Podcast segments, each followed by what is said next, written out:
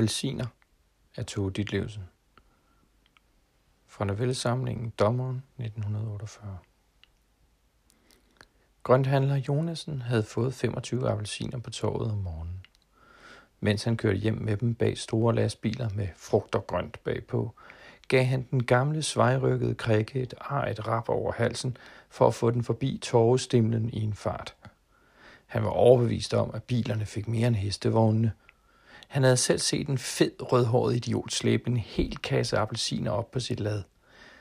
I den kolde vintersol så han det lyne gult og orange alle vegne mellem guldrødder og frossen rosenkål og stive træede vinterpår. Allerede i går havde der stået i bladene, at appelsinerne var fordelt mellem byens grønthandlere. Jo, det var en rask fordeling. Det var på tide, staten greb ind – Hele samfundet var gennemrådent og korrumperet. Der havde været et rand af folk hele dagen i går, der gloede på ham, som om de så appelsiner vælte ud af knaphullerne på ham. For et syns skyld havde de købt lidt suppeurter, nu de var kommet på gaden.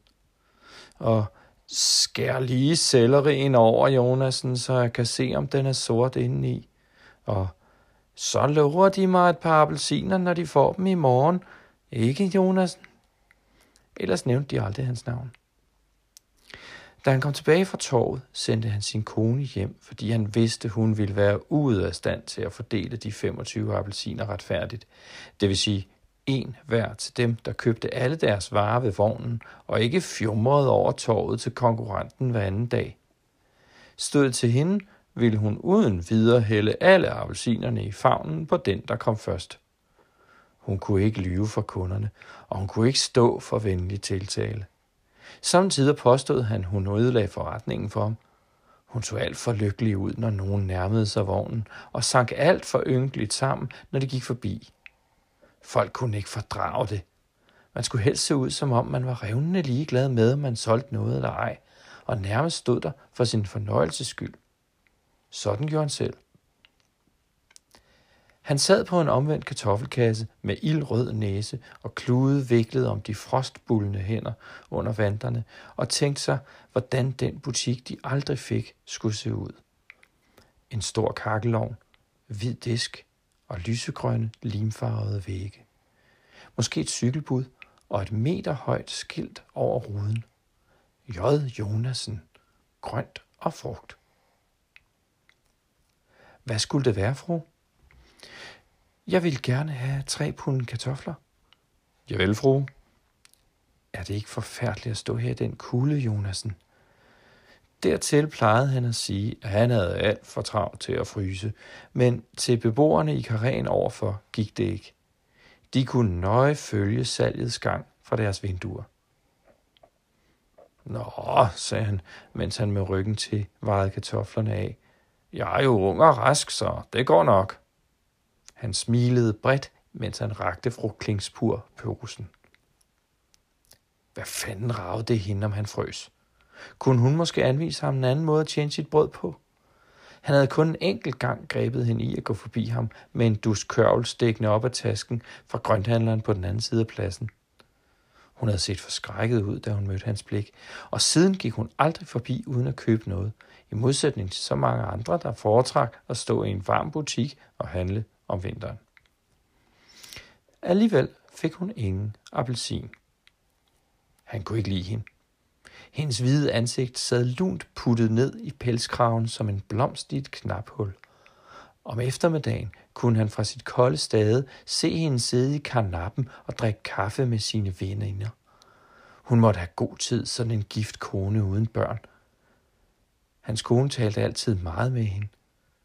Hun havde en måde med at gnide hænderne på frossen sammen, hans kone, og se ynkelig ud, når hun talte med kunderne. Også om sommeren, men så var det vel varmen, der trykkede. Han slog armene op om ryggen for at få lidt varme, mens han så efter fru Klingsbur. Hun skulle bare vide, at han havde 25 appelsiner liggende på ræd og række bag kasseapparatet. Når de andre fortalte hende det, ville der desværre være udsolgt. Og tænk, han glemte det helt i morges. Helt til grin var man dog ikke endnu. Det manglede bare, hun og hendes veninder lige frem skulle sidde og knaske appelsiner i sig. Det var ikke fordi fru Klingspur var jøde, Jonasen ikke kunne lide hende. Han var lige så oprørt som alle andre, dengang tyskerne foranstaltede klapjagt på jøderne. Og før den tid tænkte man jo aldrig over, om et menneske var jøde eller ej. Selvom de naturligvis var lette at få øje på. Der var sådan en slags fællespræg over dem. Det kom man ikke udenom. Øh, ligesom med eskimoer og kinesere, der jo var lige gode for det. Men forskellen var let at se, når man havde øjne i hovedet og så sine folk an. Og det var man simpelthen nødt til som forretningsmand. Hele hemmeligheden lå i at se lige igennem kunderne og vide, hvad de sagde, før de lukkede munden op. Og denne fru Klingspur, som åbenbart fik lov at være i fred, eftersom hun var gift med en ikke-jøde, hun havde nu for eksempel den vane altid at spørge, hvad tingene kostede, før hun købte dem. Om det så kun var et bundt persille. Det er på de små ting, man kender folk, sagde han til sin kone. Fru Klingspur er påholdende, som alle jøder. Hans kone protesterede svagt, hvad der altid var ham en anledning til at give sin formløse bitterhed frit løb. Og blot for at sige hende imod, væsede han. De er et fremmed element i befolkningen, og hvis vi ikke holder dem nede, suger de al saft og kraft ud af os. Jonasen vidste ikke, hvor de ord kom fra, men sådan var det så tit. Man hørte så meget i dagens løb, og lidt hang der vel altid ved. Og det lettede at sige den slags ting. Hvad fanden forstå hvorfor? Man følte sig i pagt med tidens strømninger. Man var ikke født i går, og det var ikke ens egen skyld, man aldrig fik den forretning. Hemmelige kræfter åd af samfundets rod. Noget sugede en med sig som vandet i en kumme, hvor bundproppen er taget ud. Ubønhørligt. Sugede saft og kraft ud af en. Og tyskerne var nogle røvere og banditter, men på visse områder så de klarere end andre. Et eller andet hang ved i dagens fløb. Man må snakke mere om lidt af hvert. Og det hænder, nogle ord dukker op, som måske var ment i en anden betydning. Måske ikke. De lader sig anvende. De luner i kulden. De kommer ingen steder fra. De er der bare. De er ens egne.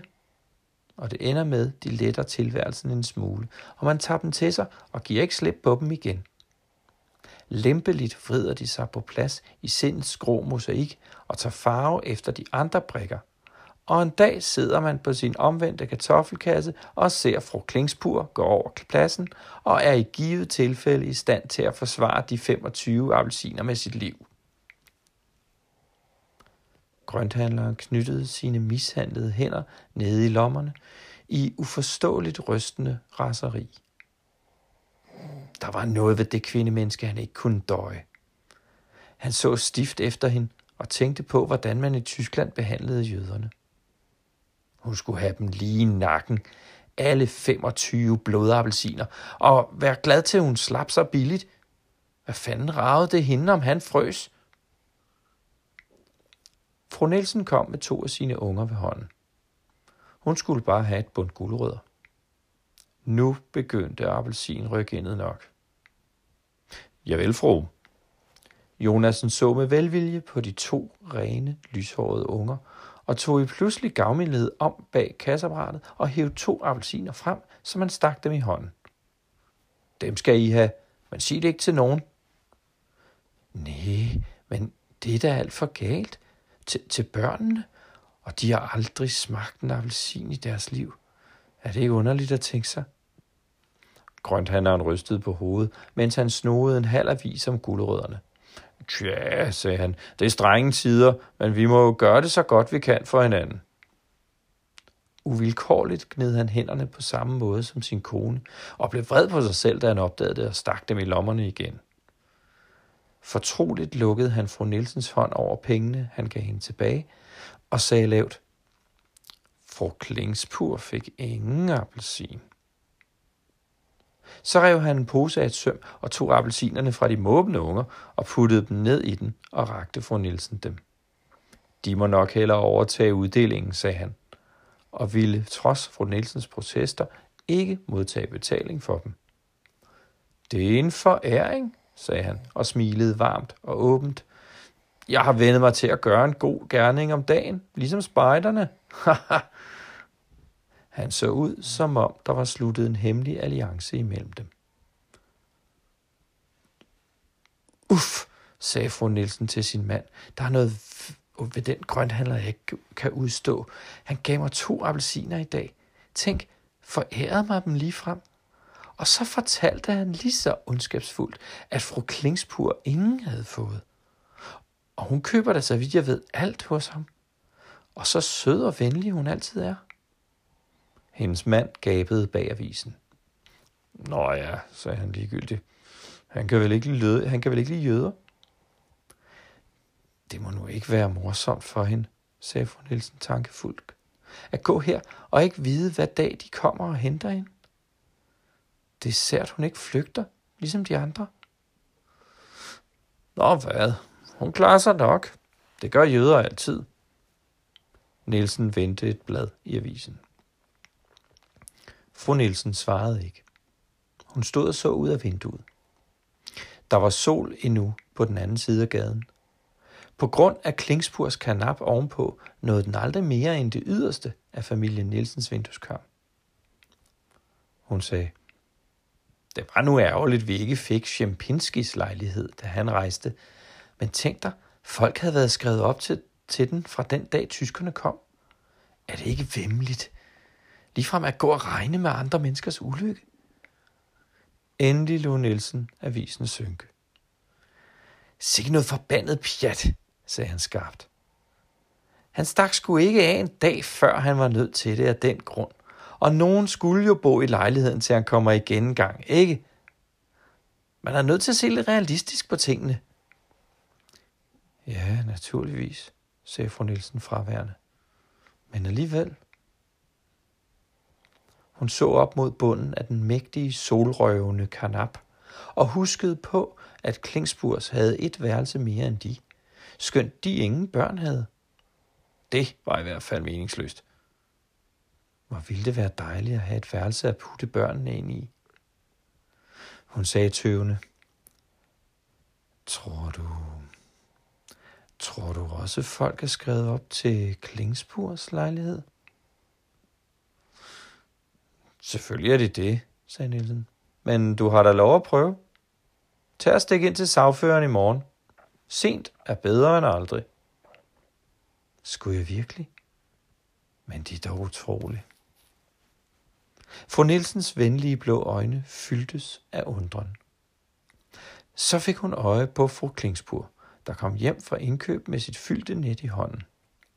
Hun stansede og stillede sig op i køen ved grøntvognen. Da turen kom til hende, slog Jonasen beklagende ud med begge hænder og sagde noget, der fik de andre til at le. Da fru Klingspur skråede over gaden, så hun op og fik øje på fru Nielsen i vinduet og nikkede venligt til hende. Fru Nielsen bøjede hovedet lidt stift og trak hurtigt gardinet for og stod lidt ubeslutsomt med ryggen mod vinduet. Naturligvis havde hendes mand på en måde ret. Det kunne ikke skade fru Klingsburg det bitterste at søge den lejlighed. Og det var sikkert kun et tidsspørgsmål, hvornår de tog fat på resten af jøderne. De umennesker. Børneværelset skulle være i hvidt og lyseblåt, med rigtig børnetapet og små stole og en gyngehest, og måske om ikke så lang tid en lille lyseblå vugge. Fru Nielsen smilede ved tanken, mens hun gik ud i køkkenet og skrællede de to appelsiner og plukkede stykkerne fra hinanden og delte dem retfærdigt i fire lige store portioner.